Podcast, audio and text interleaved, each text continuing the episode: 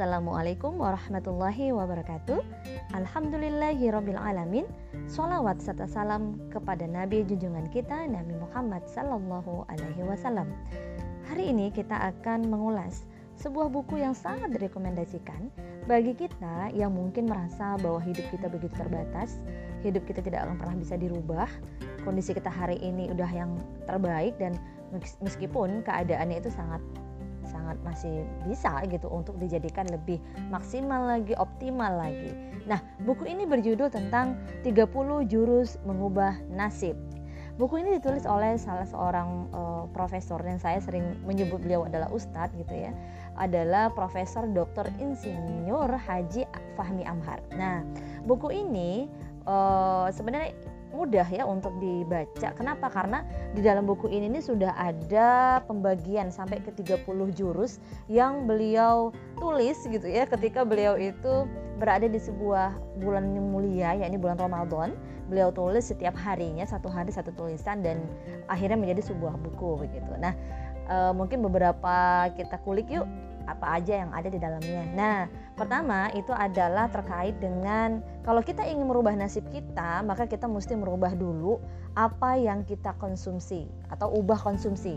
Nah, kalau dalam pembahasan ini itu setidaknya tuh ada ada mengulas gitu ya sedari uh, kita ini menjadi manusia itu pasti kan punya banyak banget kebutuhan ya. Ada kebutuhan jasa dia seperti makanan pakaian ada kebutuhan sosial seperti hiburan alat komunikasi dan lain sebagainya. Nah jika selama ini kita belum tepat dalam memenuhi segala kebutuhan diri kita maka ubahlah kebiasaan kita dengan menyeimbangkan pemenuhannya. Nah, jadi ada batasannya dan juga kita harus tahu kalau selama ini kita kurang memperhatikan status dari apa yang kita konsumsi mau halal kayak nggak halal wah bahaya ya. Maka kita harus punya mindset yang baru gitu bahwa apa yang kita konsumsi harus berubah. Berubah apa?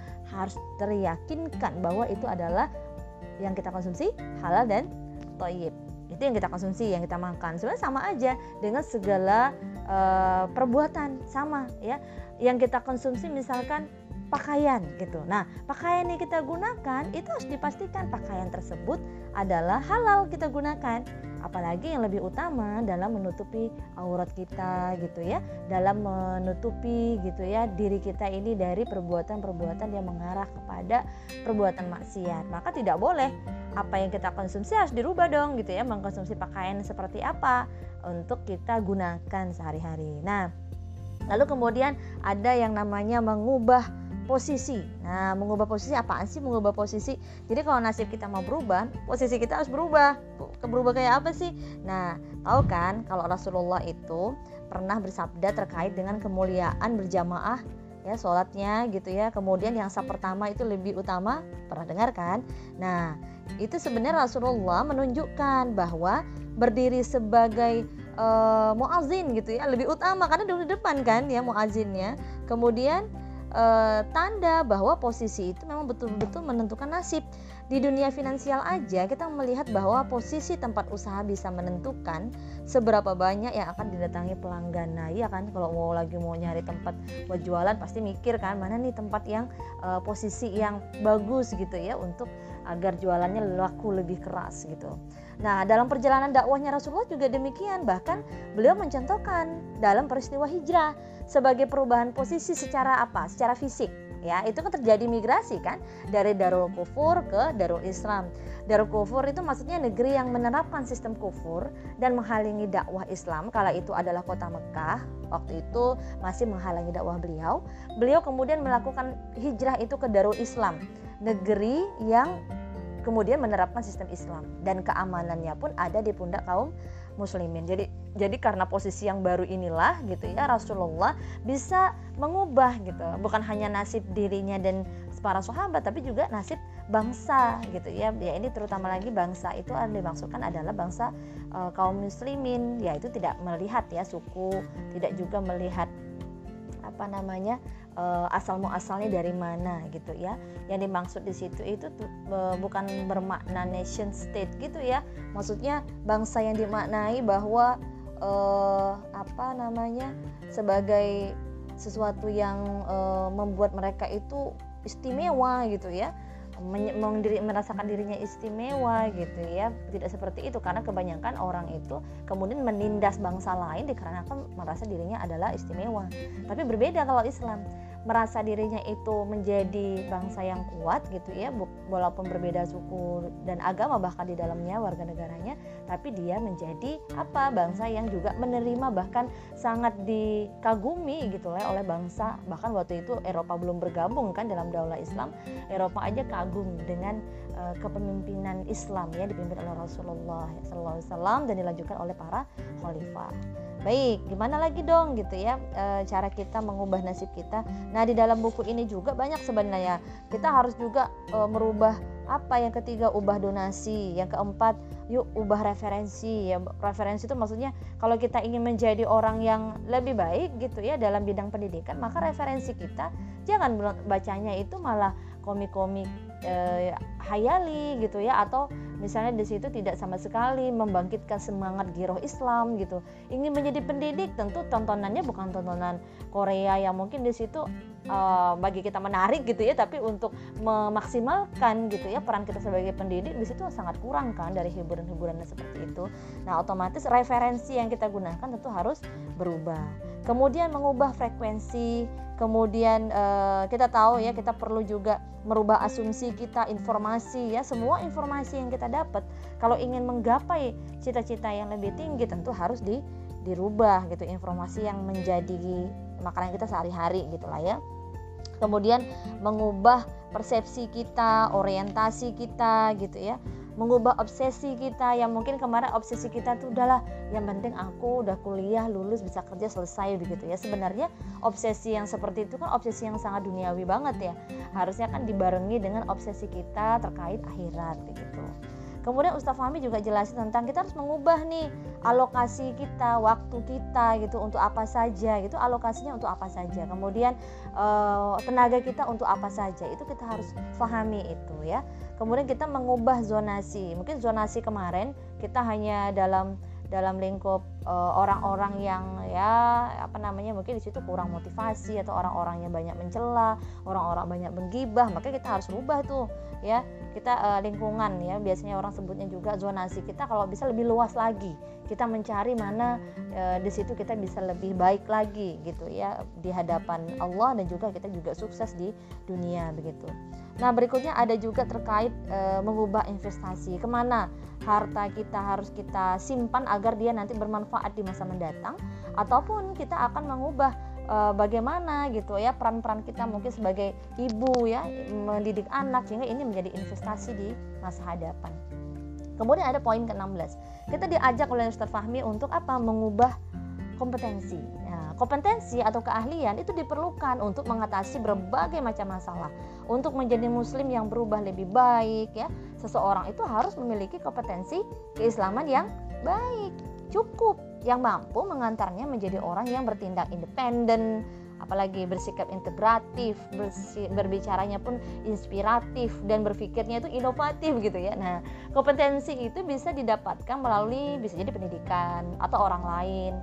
Nah, dan kegagalan yang mungkin pernah dialami ya malah bisa membuat kompetensinya lebih baik.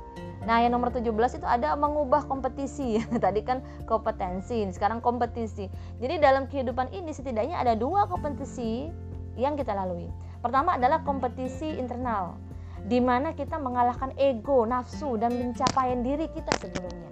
Lalu yang kedua adalah kompetisi eksternal, di mana kita berhadapan dengan orang lain. Untuk apa? Untuk berkompetisi dengan orang lain, kita perlu mempersiapkan diri dan mencari arena kompetisi yang lebih tinggi. Jadi mau nasib berubah, nah, maka ubah kompetisi, kompetisi yang kita ikuti dan kita harus uh, berupaya untuk memenangkannya ya.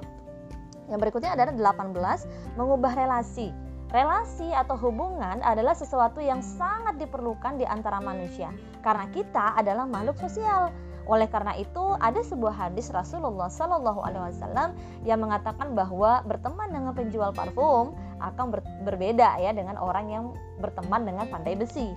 Maka dari itu perlu cermat dalam memilih dengan menjaga kualitas hubungan antar relasi. Motivasi yang paling baik itu adalah mencari teman yang dapat mendekatkan diri kita kepada Allah. Adapun untuk menjaga relasi dengan baik, maka perlu adanya ukhuwah Dengan cara apa? Memberi salam, menanyakan kabar, bersilaturahmi dan mendoakannya. Tuh, keren ya. Kemudian mengubah kontribusi. Nah, itu nomor 19. Ada empat sikap seseorang terhadap dirinya.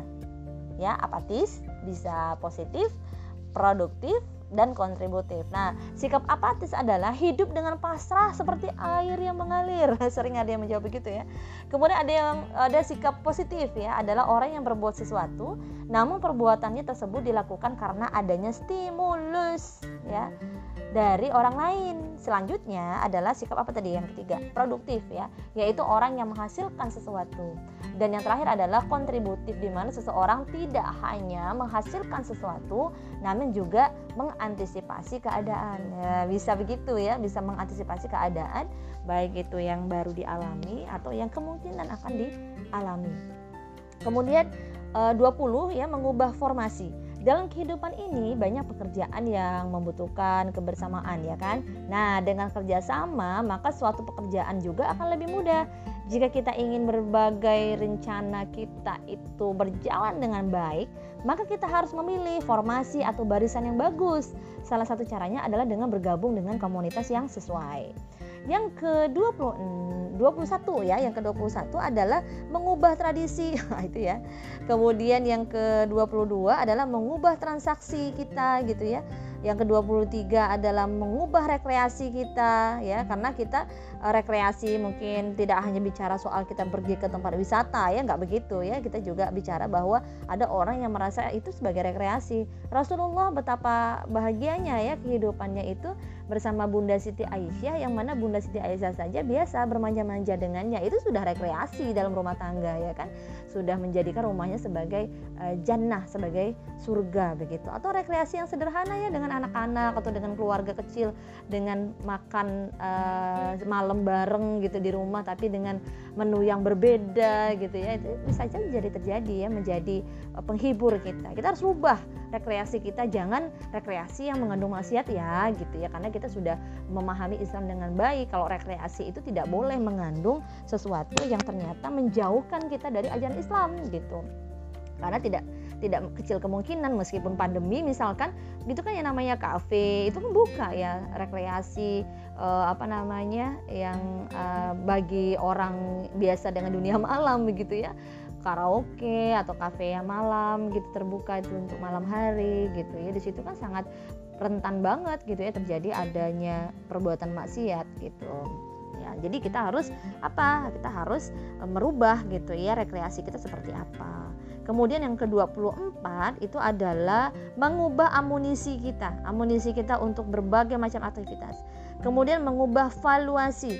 Valuasi itu adalah maksudnya itu adalah mengubah apa yang apa ya namanya ya, yang cara kita ya e, untuk menghargai sesuatu. Nah, jadi valuasi itu perlu juga ya untuk dirubah karena kadang-kadang kita e, menghargai sesuatu ya dengan cara yang tidak tepat gitu ya, malah dengan cara-cara yang mungkin menyinggung orang lain ataupun cara-cara menghargainya itu dengan cara yang tidak semestinya padahal dalam agama misalkan dilarang untuk memuji hal itu. Nah, itu harus dirubah berarti ya. Berikutnya adalah yang ke-26 ya ini mengubah koreksi. Mengubah koreksi itu apaan sih ya? Jadi koreksi atau cara memperbaiki keadaan dapat dilakukan dengan dua cara kan ya. Dengan cara verifikasi dan validasi. Verifikasi adalah cara di mana seseorang mencocokkan apa yang dilaporkan atau diinginkan dengan kenyataan yang dilakukan. Nah, cara kedua adalah validasi, yaitu mencocokkan bahwa apa yang dilakukan adalah hal yang sah.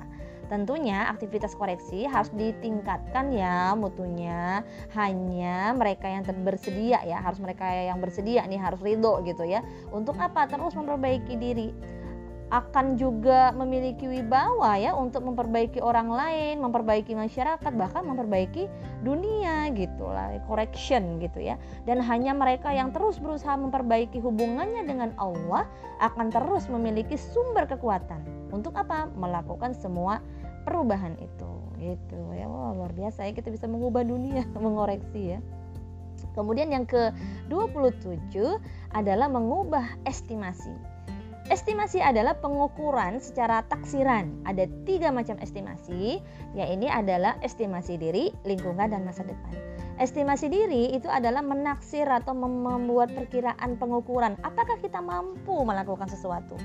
Estimasi lingkungan, nah itu yang kedua terkait dengan menaksir jenis lingkungan sekitar kita. Kita harus uh, menaksir ya, mem memperkira-kira mana itu ya lingkungan kita yang tepat. Estimasi masa depan tuh maksudnya adalah tergantung dengan taksiran saat ini.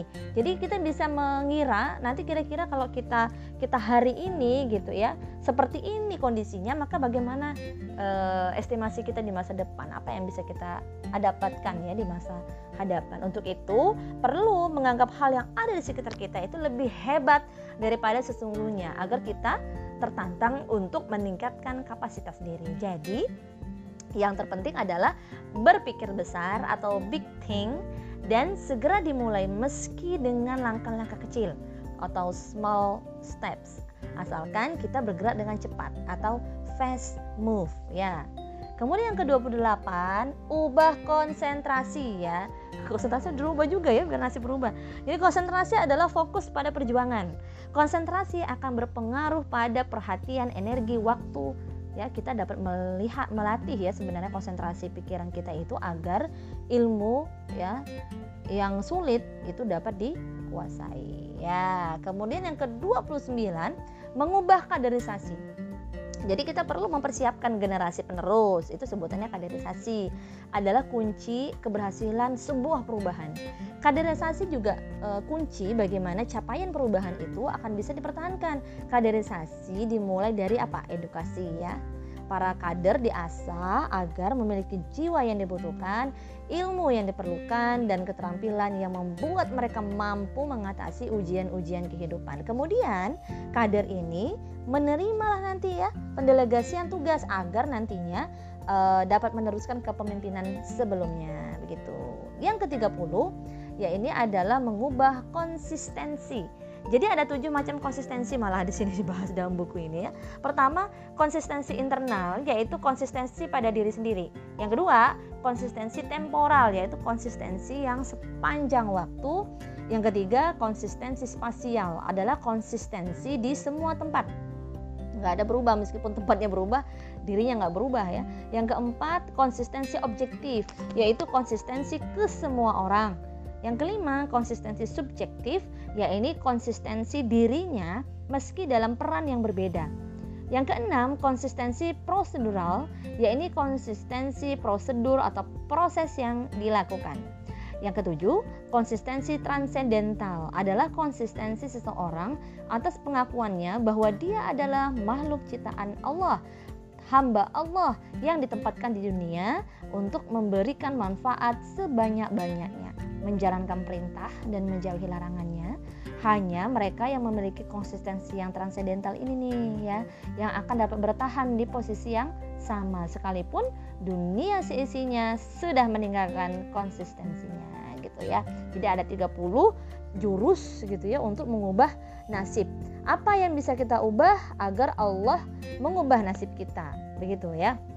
Jadi bisa disimpulkan begini, eh, jurus-jurus mengubah nasib dalam buku ini kan bukan hanya dapat mengubah individu semata ya, namun ketika dipraktekkan oleh sebuah negara ya atau sebuah bangsa, maka bangsa tersebut pun bisa berubah menjadi bangsa yang terdepan. Contohnya, jika sikap mental bangsa Indonesia saat ini yang lemah ya, selalu mengagung-agungkan Barat, terutama Amerika, Indonesia seperti tidak percaya diri dengan kemampuannya sehingga selalu berkiblat nih kepada barat. Pokoknya apa-apa dari barat keren aja gitu ya.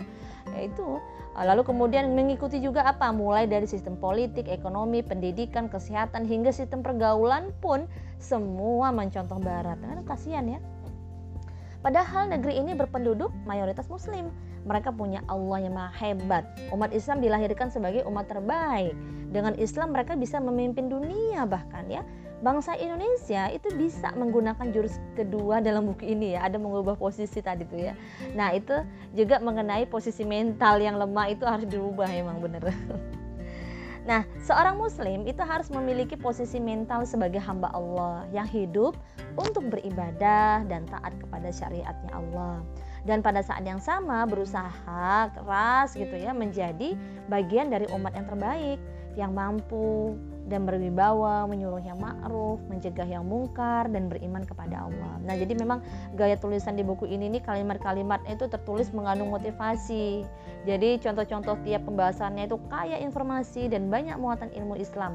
Sebagai buku motivasi memang cukup menarik nih ya membaca buku beliau ini. Seorang yang pernah jadi beliau ini seseorang yang pernah dikukuhkan sebagai profesor riset termuda di Indonesia.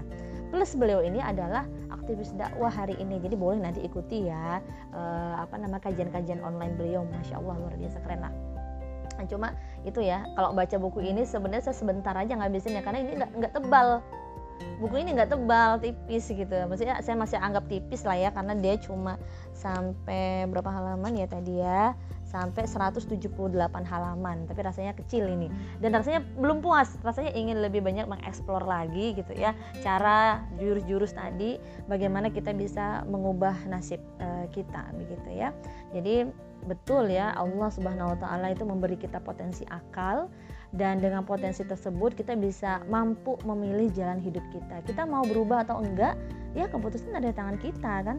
Tapi orang berakal pasti akan memilih melakukan perubahan-perubahan untuk kehidupan yang lebih baik. Nah, mungkin itu barangkali ya eh, beberapa sekelumit yang saya dapat dari buku ini mungkin agak cepat dan juga saya juga uh, berpikir bahwa dengan menunjukkan saja ya buku ini ternyata memberikan jurus-jurus yang uh, dahsyat sekali gitu ya. Itu nanti mudah-mudahan uh, yang mendengar uh, podcast hari ini itu bisa membeli sendiri bukunya ya.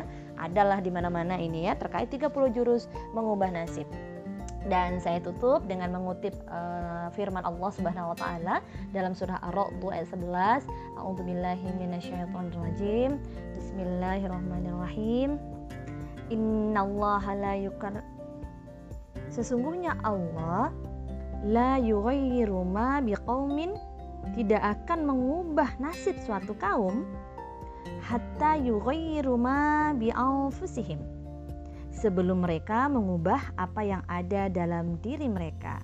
Sadaqallahul azim. Jadi luar biasa ya. Jadi kita kalau nggak mau berubah gitu, maka keadaan kita nasib kita memang tidak akan pernah berubah. Semangat untuk sebuah perubahan. Demikian, mohon maaf segala kekurangan. Wassalamualaikum warahmatullahi wabarakatuh.